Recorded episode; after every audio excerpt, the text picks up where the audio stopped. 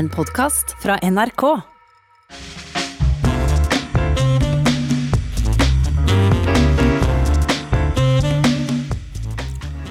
Vi skal begynne denne sendinga med å snakke om noe så eh, krevende som begrepet tid. For vi snakker om at tida går fort, eller at den går langsomt. Og nå under koronapandemien er det vel helst det siste som gjelder. Men hvordan er egentlig dette med eh, vårt forhold til tid?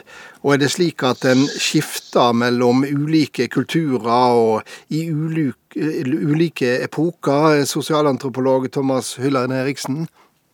Ja, eh, hei. Eh, jo da, det, er klart at altså, tid er jo noe som mennesker alltid har vært opptatt av på forskjellige måter.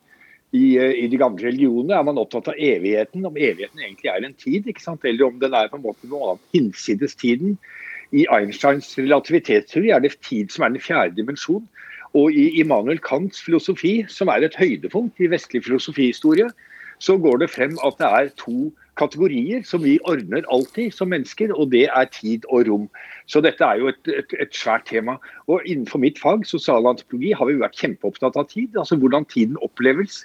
Ofte blir det snakket om syklisk tid. Det er den som gjentar seg, som kommer tilbake. Og så er det den lineære tiden som ruller og går som en slags pil mot fremtiden. Og vi forbinder gjerne den lineære tiden med modernitet og fremskritt og utvikling, og den sykliske tiden med tradisjonelle samfunn som står på stedet hvil. Men vi lever jo alle også i sykliske tider, så det er ikke så enkelt. Vi lever alle i mange tider. Og Jeg må bare nevne én ting til, og det er at eh, altså en bok som jeg har vært veldig glad i, det er filosofen Bergson, som levde på slutten av 1800-tallet og begynnelsen av 1900-tallet. Og I hans første og viktigste bok så skiller han mellom den mekaniske tiden, det er klokketiden, den er objektiv. Et sekund, en time, et minutt, det er det samme bestandig. Men han skiller mellom denne og den subjektive tiden. Altså det at eh, fem minutter hos tannlegen er kjempelenge fordi det er så ekkelt og det gjør så vondt og er så skummelt. Mens to timer når du har det innmari gøy, det går på, det går på, på et blunk. Alle kan kjenne seg igjen i det. Som andre ord, tiden slik den oppleves, den varierer jo. Den kan gå forferdelig langsomt, og den kan gå veldig fort. Og det har vi jo ikke minst opplevd nå det siste året. Dette var jo veldig presis mini-forelesning, eh, Thomas Hylland Eriksen, om, om, akkurat dette begrepet. Vi skal innom både den objektive og subjektive tida, men, men, ganske raskt, hvordan vil du definere vårt forhold til tid under en pandemi som, som rokker egentlig ved, ved, ved en del av våre tilvante forestillinger, sånn vi er vant til de siste året? Ja, det, er et, eh, takk skal du ha. Det er, et, det er et kjempeinteressant spørsmål. og jeg vil si at det, det, det, det, viktigste er egentlig at tiden på en måte er brakt ute av synk. altså Den er ikke synkronisert med seg selv. Fordi de rytmene vi har vært vant til å leve i, ikke lenger fungerer som før. Det er, det er klart at På noen områder så går tiden langsommere. I den forstand at det skjer mindre. Det er færre begivenheter det, det, er ikke så mye halvsetter. Det er, det er mindre hesblesende. Hele verdensøkonomien har liksom gått ned i et helt annet uh, gir. ikke sant? Og, og, det er forferdelig langsomt. Og for folk som da ikke går på jobb, så er den ene dagen lik den andre. Uh, og plutselig har det gått en uke uten at du egentlig har merket det, fordi det ikke har skjedd noe. Men på andre måter så har tiden gått fortere. Altså, jeg tenker på digitaliseringen. Så De av oss som da tilbringer mye tid foran skjermer nå, eh, for oss så eh, oppleves ikke den tiden som noe langsommere. Men tiden er da, så rytmene er liksom blitt destabilisert. altså De fungerer ikke sånn som vi er vant til, forutsigbart. Og, og så er det også noe med at eh, vi venter. Ventetid er jo en spesiell type tid. Nå mm. venter vi veldig ikke sant, og utålmodig på at dette skal gå over. Psykolog Hedvig Montgomery, du er også med. Velkommen til deg. Takk skal du ha. Hva er det med oss mennesker som, som, som gjør at vi opplever tid så ulikt? Altså, jeg må jo si at eh, Thomas er jo inne på et veldig vesentlig filosofisk aspekt her, nemlig at vi både har den kronologiske tiden og den opplevde tiden. Og en av de tingene som skjer når vi havner i kriser, det er at disse to går skilles. De går fra hverandre. Eh, sånn at når du f.eks. står der med en ektefelle med hjertestans og du ringer etter ambulansen, så kjennes det ut som det tar en evighet før ambulansen kommer. Selv om det rent objektivt etter klokken bare tar tre og et halvt minutt. Altså Frykt gjør noen ting med opplevelsen. Og opplevelsen blir da at vi legger merke til alle detaljer, legger merke til alt det skjer. Vi blir mer våkne, og derfor også husker tiden som mye, mye lengre. Så til vanlig, når alt er OK, så er kronologisk tid og opplevd tid ganske synkronisert, som, som Thomas sier. Men i krisetider så skilles de og går i hver sin retning. Så jo mer redd du er, jo langsommere går tiden. Hva for reaksjoner er du møter hos eh, mennesker som er tvunget til å holde seg hjemme og knapt møte andre mennesker, og, og slik eh, kanskje får ei lengre og i hvert fall traurigere opplevd tid? Altså jeg tror det er mange, både de som jobber ute og de som eh, jobber hjemme, som nå kjenner på den forskjellen. Rett og slett, Det handler mer om fryktelementet enn det det handler om akkurat hva de gjør. De som er mye hjemme, blir jo utsatt for noe som er ganske skummelt, nemlig en, at de får for lite inntrykk. For lite feedback, for lite ansikt til ansikt, som vi mennesker har konstruert for. Og da blir man faktisk glemsk, rotete, og etter hvert også mister litt døgnrytmen. Så langtidseffekten av for lite ansikt-til-ansiktskontakt og for lite rytme er ganske skummel. Ja, Glømsk, rotete og mista døgnrytmen, Thomas Hylland Eriksen. Kjenner du deg igjen? jeg gjør det.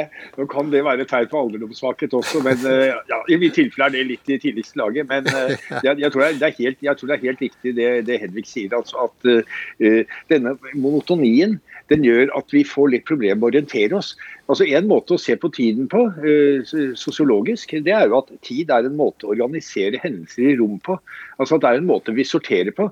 Uh, og det er veldig fint at, at, om ting har en rekkefølge. Altså, Jeg har skrevet eh, to biografier i mitt liv, og det var noen av de hyggeligste opplevelsene jeg har hatt som forfatter. Fordi det var så lett å ordne stoffet. Fordi det hadde en rekkefølge. Eh, det begynte med fødsel og sluttet med død, og så var det litt før og litt etter. Mens andre bøker kan være veldig mye vanskeligere å få orden på. Så eh, det tror jeg er helt riktig. Men en annen ting jeg tror vi skal huske på, en ting er nå dette med situasjoner og kriser, hvor det er helt åpenbart alle kan kjenne seg igjen i det. Hvordan ett minutt er en evighet når du står der og, og ikke vet dine armer råd. Men eh, også aldersmessig så går jo tiden fortere etter hvert som vi blir eldre. Det tror jeg mange av oss har opplevd, eh, vi som er litt oppi åra. Ja, dessverre. At et år er ja, et, år er veldig mye kortere nå enn det det var da du var 18 år. Og Det har jo uh, implikasjoner for hvordan vi opplever pandemien også. Også. For de som er i tenårene, så har dette året vært en evighet. Det har vart veldig, veldig lenge. Til deg, Hedvig Montgomery. Er det sånn at vi har vært mer opptatt av tid i, i, i eh, unntakstilstand som den vi nå opplever? Nei, men jeg tror at forståelsen av tid gjør det lettere å klare oss igjennom dette her. Fordi det forklarer noen elementer som alle sammen kan kjenne seg igjen i. F.eks. under den store nedstengningen i, i mars-april, hvor vi gikk løs på det med en sånn optimisme. Vi skulle kjøpte yogamatter og romaskiner og stiftet grupper på Facebook hvor vi skulle hjelpe hverandre. Jeg kan jo bare si at Nå er jeg temmelig sikker på at det er mange yogamatter og romaskiner som er stua bort eh, og ikke blir brukt, og de Facebook-gruppene ligger døde. For etter hvert, altså Nå husker vi jo også hvor lang den tiden ble. Eh, og hvor mye vi kjeda oss på den yogamatten. Mm. Altså Tiden påvirker også hvordan vi tenker her og nå, og hvordan vi planlegger fremover. Ja, for det er ikke akkurat mange digitale fredagspilser å høre om eh, akkurat nå, sånn som det var i, i, i mars. Vi, vi, skal holde fram med denne samtalen, Hedvig Montgomery og Thomas Hylland Eriksen.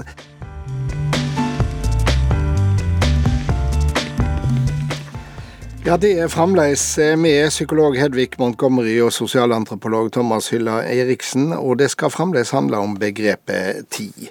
Da den eh, engelske forfatteren Jonathan Swift for snart 300 år siden skrev romanen 'Gullivers reise', historien om mannen som kom til Lilleputtland, ja, så skriver han om lilleputterne som fant et ur i Gullivers lomme. De regna med at det var guden hans, fordi Gulliver ikke foretok seg noe viktig uten å kikke på uret først. Det tolka lilleputterne som at Gulliver rådførte seg med guden sin, og det er vel ikke noe dårlig bilde på forholdet vi har til organisert tid, eh, Thomas Hylland Eriksen? Nei, Det er et veldig godt bilde. Og du kan si at uh, gode gamle Gulliver var en, en, tidlig utgave av et veldig moderne menneske. Altså Ideen om at punktlighet er en dyd, det er, en, det er, jo en, moderne dyd. At vi skal synkronisere våre handlinger, at vi skal komme presis. At vi ikke skal sløse med tiden. Fordi tid er penger. Og Det var det jo allerede Benjamin Franklin sannsynligvis som sa, og han var også helt i forkant av den industrielle revolusjon. Eh, det er en veldig moderne og på mange måter en veldig protestantisk holdning til verden. Men det går, Men det går, vel, det går vel også til at en ikke skal sløse med andres tid? Helt riktig. Så det ligger en sånn, en sånn moral der også, om at alles tid er et, et, knapt gode og en knapp ressurs.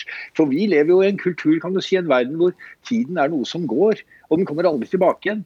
Men for andre mennesker som lever under andre himmelstrøk, kan det godt være slik at tiden kommer. Den er ikke noe som går, så det haster ikke fordi tiden kommer. Det er manana, ikke sant? klisjeen om manana i Mexico, hvor alt skal skje i morgen. Fordi ja, ja, nå er denne dagen gått, men dagen kommer jo tilbake igjen. Så det er jo ikke noe, det er ikke noe å mase med. Slik tenker ikke for vi skal ha utvikling, og vi skal ha noe som er på en måte kumulativt og bygger seg opp og lineært og peker fremover. Eh, og det har jo gitt oss mange goder, men det har også ført til en del problemer. F.eks. nå i miljøødeleggelser og klimaendringer. Men, hvis vi skal se litt stort på det. Vi, vi snakker jo om å, å, å, spare tid, vi snakker om å vinne tid eller tape tid. Men, men det er jo helt uklart hva vi vinner, sparer eller taper, Hedvig Montgomery? Ja, det kan du godt si. Eh, men tiden er nå engang blitt en felles forståelse, og det er mye fint i det. Og det er vel nettopp derfor en pandemi treffer oss så hardt, også psykisk når vi ikke har en felles forståelse. Det er jo på mange måter to leirer nå. De som aldri har hatt det så fint noen gang, drar på hytta, koser seg. Og som har vanskeligheter med å forstå de som eh, sitter med hjemmeskole og, og et ytterligere press og usikre jobber.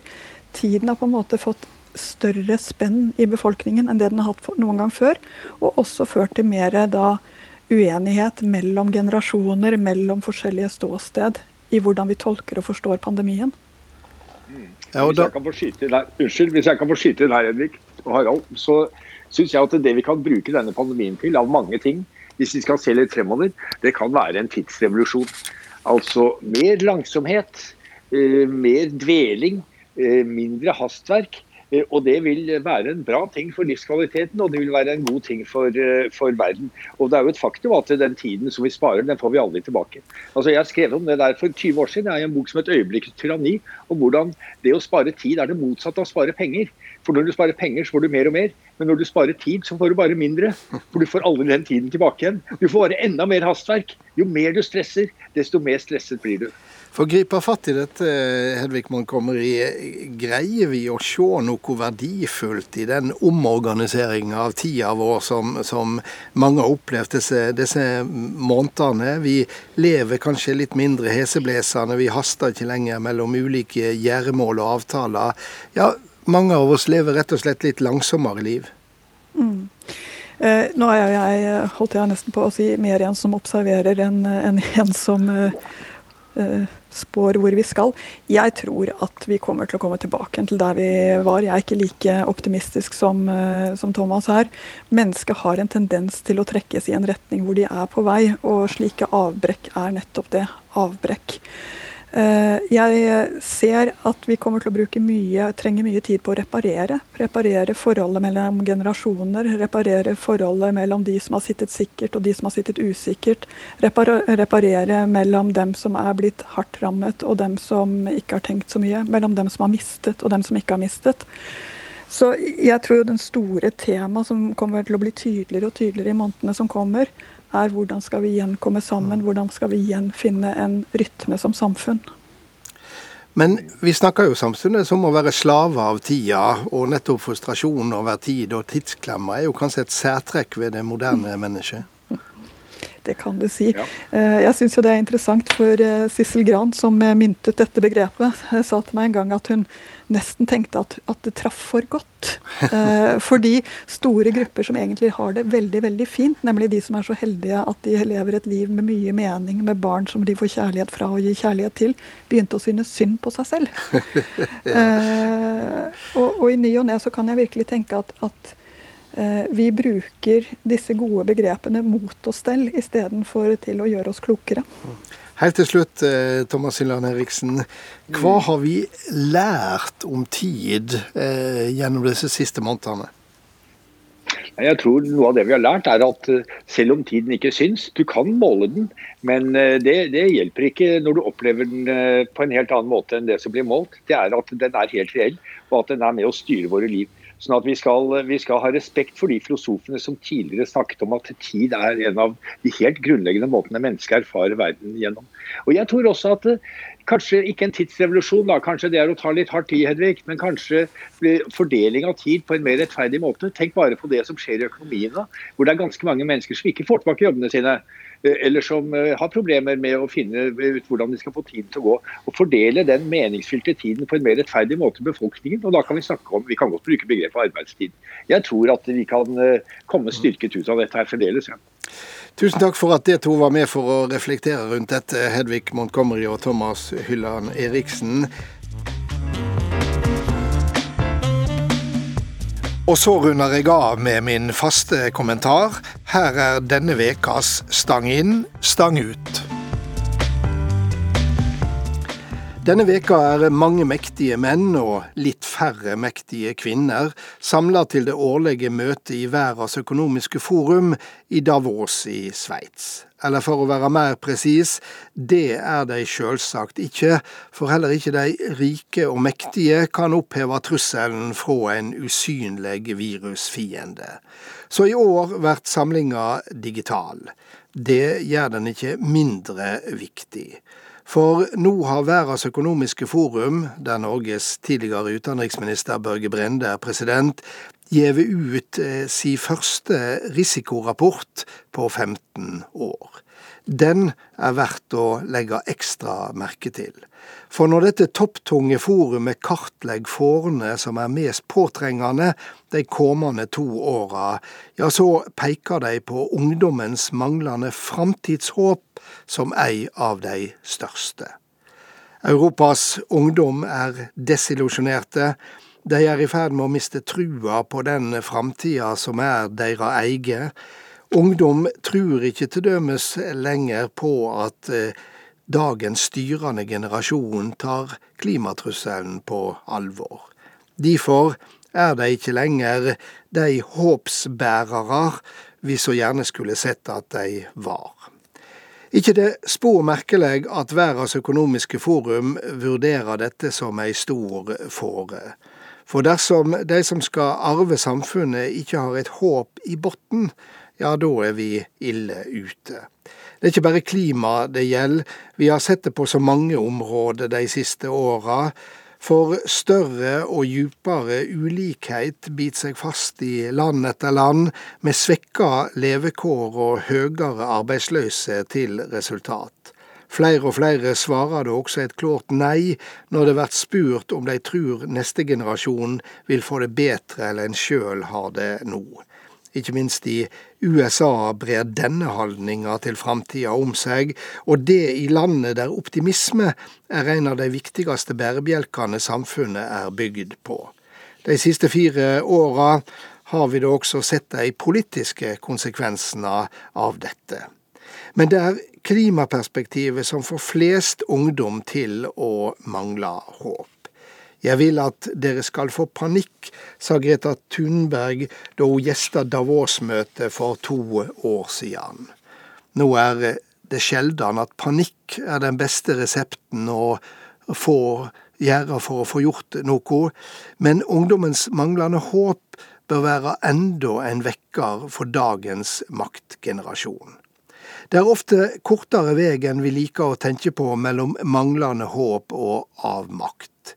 Men det kan også være kort vei mellom det å ikke tru på ei bedre framtid, og det å støtte forførende politiske rørsler som gjør kaos til et mål i seg sjøl. Det er eh, lett å gripe til fortrengning overfor slike ubehagelige perspektiv. Det har maktmennesket til alle tider gjort. Derfor ligger det et lite håp i seg sjøl i at dette nå blir sett på agendaen i Davos, denne sveitsiske vintersportsbyen som er denne vekas internasjonale maktsentrum. God helg.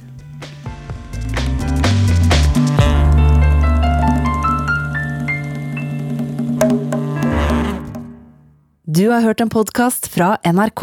Hør flere podkaster og din NRK-kanal i appen NRK Radio.